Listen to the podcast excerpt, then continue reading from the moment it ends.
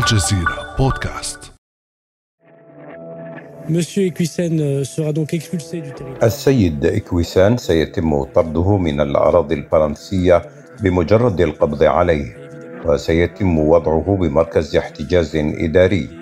كما سنواصل عملنا ضد النشاطات والخطابات الانفصالية. هكذا أعلن وزير الداخلية الفرنسي جيرال دارمانا عن قرار مجلس الدولة بحق الإمام حسن كويسن المواطن الفرنسي من أصول مغربية. تهمة الإمام حسب الوزير الفرنسي هي تبني خطاب مزدوج يتناقض مع قيم الجمهورية الفرنسية. وهكذا كان رد الإمام حسن كويسن. Dieu dit dans le Coran إذا جاءكم فاسق بنبأ فتبينوا.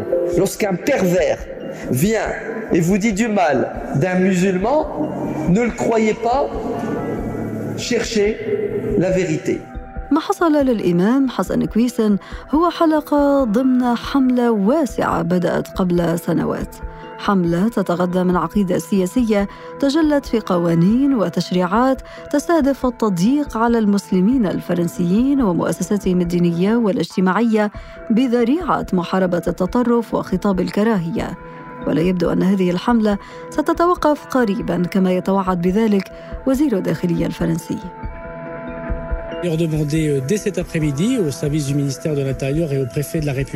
طلبت بدءا من اليوم من مصالح وزارة الداخلية ووكيل الجمهورية مواصلة العمل وتقديم مقترحات ترحيل جديدة لأشخاص أجانب يتبنون خطابات كراهية أحيانا منذ فترة طويلة لأن القوانين حتى الآن لا تسمح بطردهم.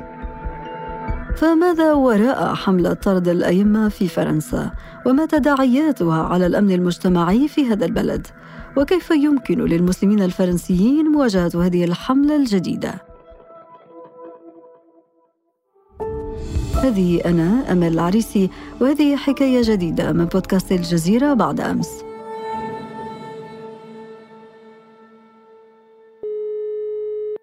أسعد اليوم باستضافة الدكتور فرانسوا دغوش رئيس منظمة عدالة وحقوق بلا حدود الدولية والباحث والخبير الشرعي أمام محكمة النقد العليا والأستاذ في جامعة باريس ساكلي.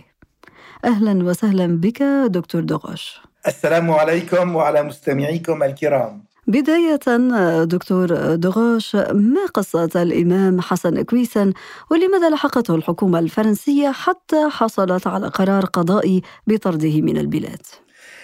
القضية وما فيها أن وزارة الداخلية الفرنسية تتهم السيد حسن أيكيوسن بتبنية خطابة خطاب الكراهية ومعاداة السامية والازدراء من المرأة وهو ما نفته محاميته عدة مرات لكن المثير في هذه القصة هو أن السيد حسن الكيوسن يحاسب على تصريحات تعود إلى 10 15 سنة وبعضها يعود حتى إلى سنة 2003 وهذا وهو ما يخالف القانون بحيث لا يمكن محاسبة أحد على أقوال لم تكن مجرمة في حينها. ونستغرب من تطبيق قانون تعزيز قيم الجمهورية بأثر رجعي. إذا هذه هي الإشكالية فيما يتعلق بملاحقة الإمام كويسن وكذلك قرار طرده من فرنسا. نشير هنا دكتور فرانسوا إلى أن هذا الإمام هو من مواليد شمال فرنسا وهو أب لعائلة مكونة من خمسة أطفال وكلهم يحملون الجنسية الفرنسية. وأيضا هو جد لخمسة عشر حفيدا وقرر إكويسن عدم اختيار الجنسية الفرنسية عندما بلغ سن الرشد واحتفظ فقط بجنسيته المغربية من منطلق قصة الإمام إكويسن دكتور فرانسوا نتساءل هنا عن واقع الأئمة في فرنسا كيف تصف واقعهم؟ بحسب واقع الحال أصبح الأئمة في فرنسا تحت رحمة الداخلية الفرنسية بحيث أصبحوا يفرضون من تلقاء أنفسهم إلى رقابة ذاتية ممن يجعلهم عرضة للمتابعة والمراقبة. الشيء الذي يفقد الأئمة والمتحدثين في المراكز الإسلامية حريتهم في التعبير. المشكلة أن هؤلاء الأئمة أصبحوا هناك رقابة ذاتية أنهم يخافون يخافون من ماذا يتكلمون. هم مراقبون يعرفون أنهم مراقبون. وبهذا السبب هناك رقابة ذاتية تمنعهم من الكلام بحرية، من الكلام بصراحة، من الكلام ببساطة. آه هذه الحالة وهذه الرقابة الذاتية التي بدأ آه يمارسها هؤلاء الأئمة ناتجة عن ماذا؟ لو تفصل لنا الخطط الفرنسية خاصة خطة وزير الداخلية الفرنسي آه التي تستهدف هؤلاء الأئمة. هناك سياسيون فرنسيون يعتبرون أن الإسلام لا يمكن أن يتأقلم مع القانون الفرنسي. هذا الشيء لا تقوله المحاكم الفرنسية. وهناك أصبح اليمين المتطرف يفرض سياسته على المجتمع الفرنسي. وهؤلاء السياسيون يريدون أن يغازلوا أن يجاملوا أن يكونوا مع هذا اليمين المتطرف الذي ارتفع بشكل كبير جدا في فرنسا. وهذا الأمر طبعا مخيف لأنه هناك بعض من المسلمين المتشددين كانوا يتكلمون وبعض السياسيين الفرنسيين يعني استفادوا من خطاب الكراهية لأن خطاب الكراهية موجود كذلك عند بعض المسلمين هذا يجب أن لا ننساه. ولهذا السبب لهذا السبب على المسلمين أن يعيدوا النظر كذلك في الخطاب في الخطاب الديني في لأنه يتكلم نحن في دولة وهذه في هذه الدولة هناك قانون. على الجميع أن يحترم هذا القانون. وكذلك على هذا القانون أن يحترم حريات الدين لكل مواطن فرنسي. طيب بما أنك أشرت إلى القوانين التي تنظم عمل الأئمة في فرنسا، ما هي هذه القوانين التي تحكم عملهم؟ طبعا القانون الأساسي الذي يحكم الممارسة الدينية هنا في فرنسا هو قانون 1905 الذي ينص على الفصل بين سلطة الدولة السلطة السياسية السلطة التنفيذية عن سلطة الكنيسة وبحسب هذا القانون فإنه لا حق للدولة بتدخل في الشأن الديني وبالتالي تعتبر الرقابة التي تمارسها وزارة الداخلية على الأئمة غير قانونية بالمطلق وتخالف كذلك قانون العلمانية في فرنسا كما تخالف الاتفاقية الأوروبية لحقوق الإنسان وباقي كذلك الاتفاقيات الدولية. فلا يعقل أن يصبح الإمام متحدثا بهوى السلطات الأمنية لا بما تقتضيه واجباته داخل مركزه الإسلامي وهذا لا يخالف مبدأ أن القانون الأسمى هنا في فرنسا كما قلت لكم هو القانون الفرنسي. إذا برأيك ما هو الدور الذي يلعبه الأئمة في فرنسا استنادا لهذا القانون الذي تخالفه السلطات الفرنسية اليوم كما ذكرت إما لفائدة التيارات اكتسبت شعبية في إشارة مثلا إلى التيار اليميني المتطرف؟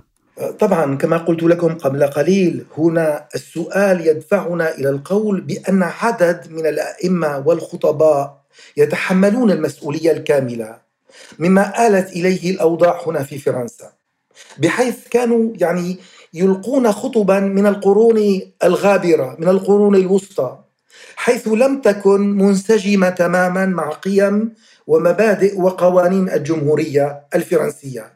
فبالتالي ساهمت هذه الخطب في صناعة عقليات متطرفة تريد كذلك أن تفرض قانونها ومنطقها وتريد كذلك أن تدخل في صراع مع الدولة الفرنسية؟ ولكن من يقيم هذه التوجهات للأئمة المسلمين في فرنسا ومعظمهم كما ذكرنا مواطنون فرنسيون؟ من يقيم أن هذه الخطب هي من القرون الوسطى حسب وصفك؟ ومن قال أن هؤلاء الأئمة يريدون الدخول في صراع مع الدولة الفرنسية؟ هناك بعض الأئمة عندما يجب أن يكون تكون خطب الجمعة مثلا أو الكلام الذي يجب أن يكون منسجم مع القوانين وهذا الإسلام المعتدل منسجم مع كل قوانين العالم.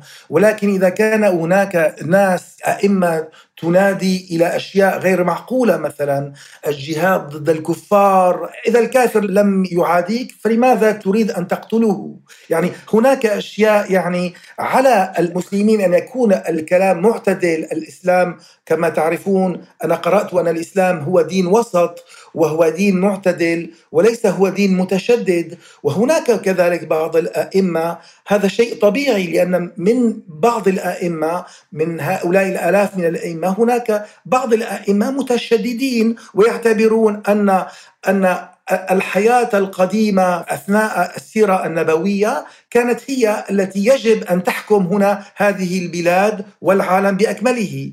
وهذا الأمر طبعا يعني مرفوض من حتى من المسلمين أنفسهم. ولكن هي قلة قليلة كما ذكرت دكتور فرانسوا. هي طبعاً. قلة قليلة تتسم آه، وفق المسؤولين أو وفق السلطات الفرنسية بخطاب متطرف متشدد كما ترى وتقيم هذه السلطات.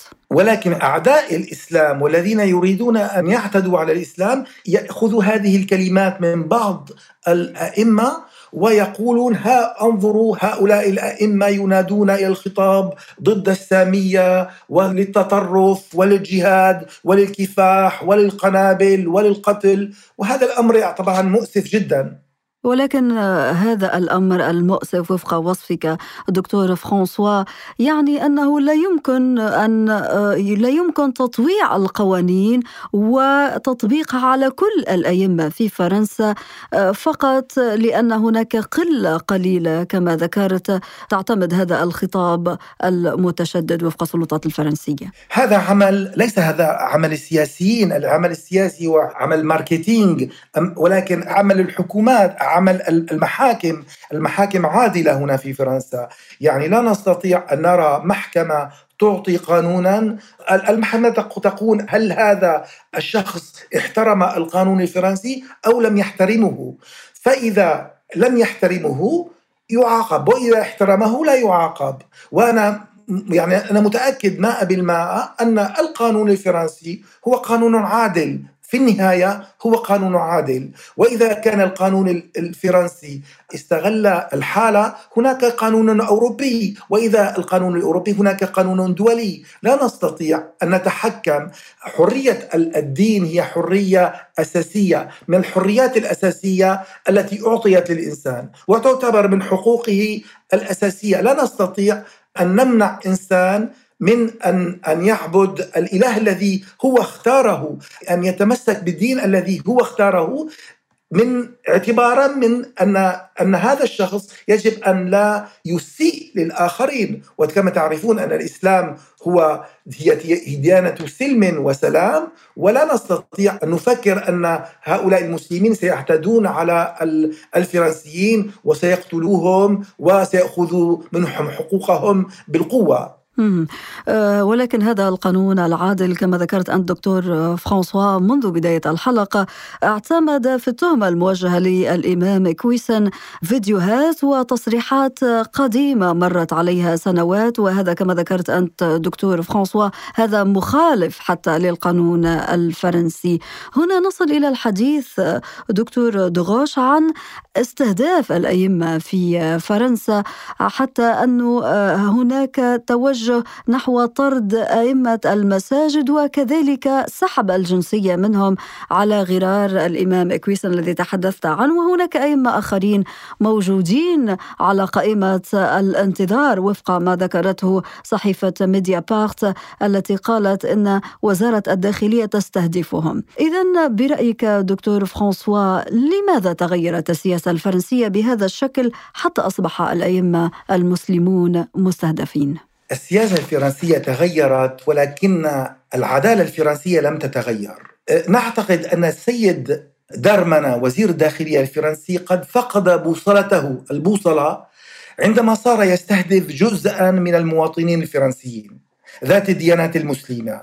وصراحة ينبغي الاحتكام إلى القانون والقضاء كي تتم متابعة أو محاسبة الأئمة والخطباء بحيث نعرض تلك الخطب على القانون ونرى مدى احترامها أو مخالفتها لهذا الأخير. ولا نترك الأمر لمزاجية محافظ أو وزير أو إنسان سياسي أو فيلسوف يريد أن يعتدي على الإسلام. وفي مقدمة السياسيين أو المسؤولين أو المحافظين كما ذكرت نشير هنا إلى الرئيس الفرنسي مانويل ماكرون والقانون الذي أعلنه هو القانون المثير للجدل المعروف باسم قانون مكافحة الانفصالية الإسلامية. أليس كذلك؟ طبعا هذا القانون مؤسف جدا ولكن كذلك كان على المسلمين أن يستيقظوا في الوقت المناسب حتى يطلبوا حقوقهم.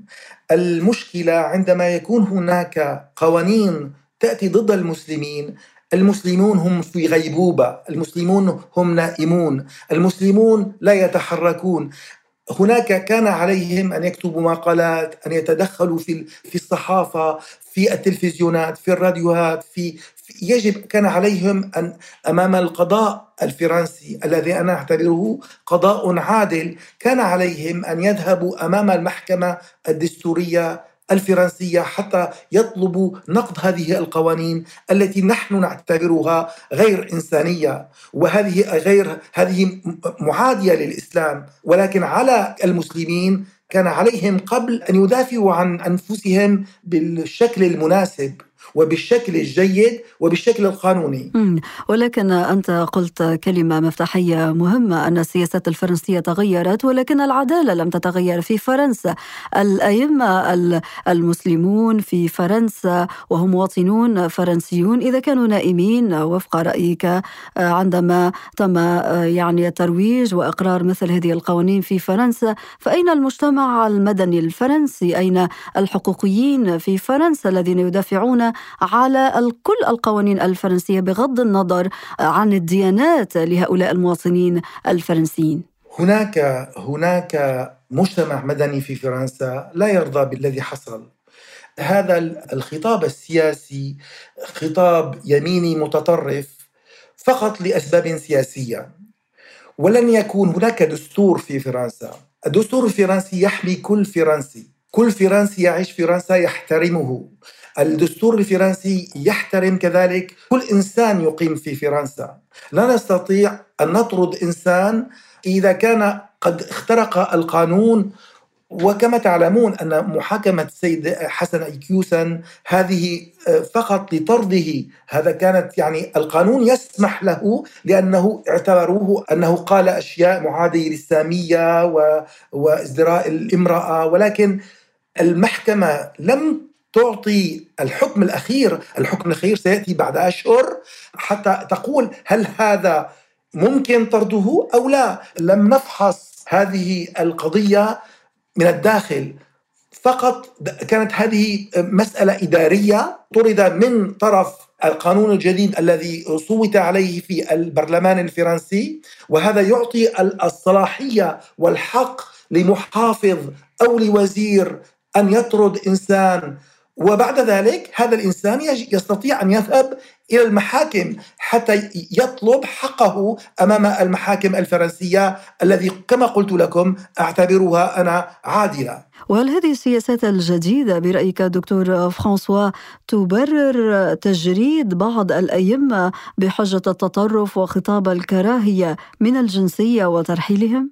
هنا في فرنسا لا نعتمد نزع الجنسية ولم يسبق ابدا أن نزعت من أحد الناس هذه الجنسية. وكذلك المجلس الدستوري في فرنسا ظل دائما رافضا لقرار نزع الجنسية لكن طبعا وبحسب القانون الفرنسي يمكن معاقبة كل من يتبنى الكراهية والعنصرية. فهناك قانون ينبغي أن يحترم فهو أسمى من أي قانون آخر هنا في فرنسا.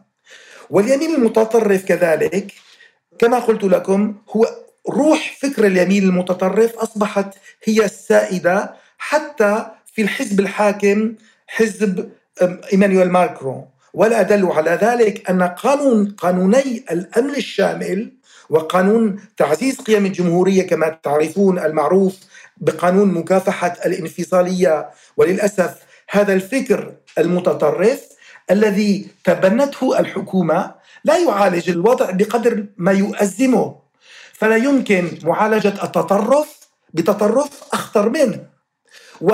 والهدف الحقيقي من وراء كذلك محاربة الإسلام للأسف هي معروفة فرنسا تاريخيا بأنها تنبذ الدين عموما فهي ليست مسيحية كاثوليكية كما تعرفون ولا هي أي شيء. وحتى مبادئ العلمانية لم تحترمها ويكفي ما قاله البابا السابق عندما قال أنا أتأسف على فرنسا عندما اتخذت من العلمانية دينا طبعا مخاطر وتداعيات سؤالكم مثل هذه القرارات أنه يفقد عنصر الثقة، الثقة هامة جدا بين المواطنين الفرنسيين ذو الديانة المسلمة وبين الدولة. تصوروا الطفل الصغير المسلم الذي يسمع من الصباح حتى المساء وهم يشتمون الاسلام على التلفزيون، هذا الأمر مرفوض تماما.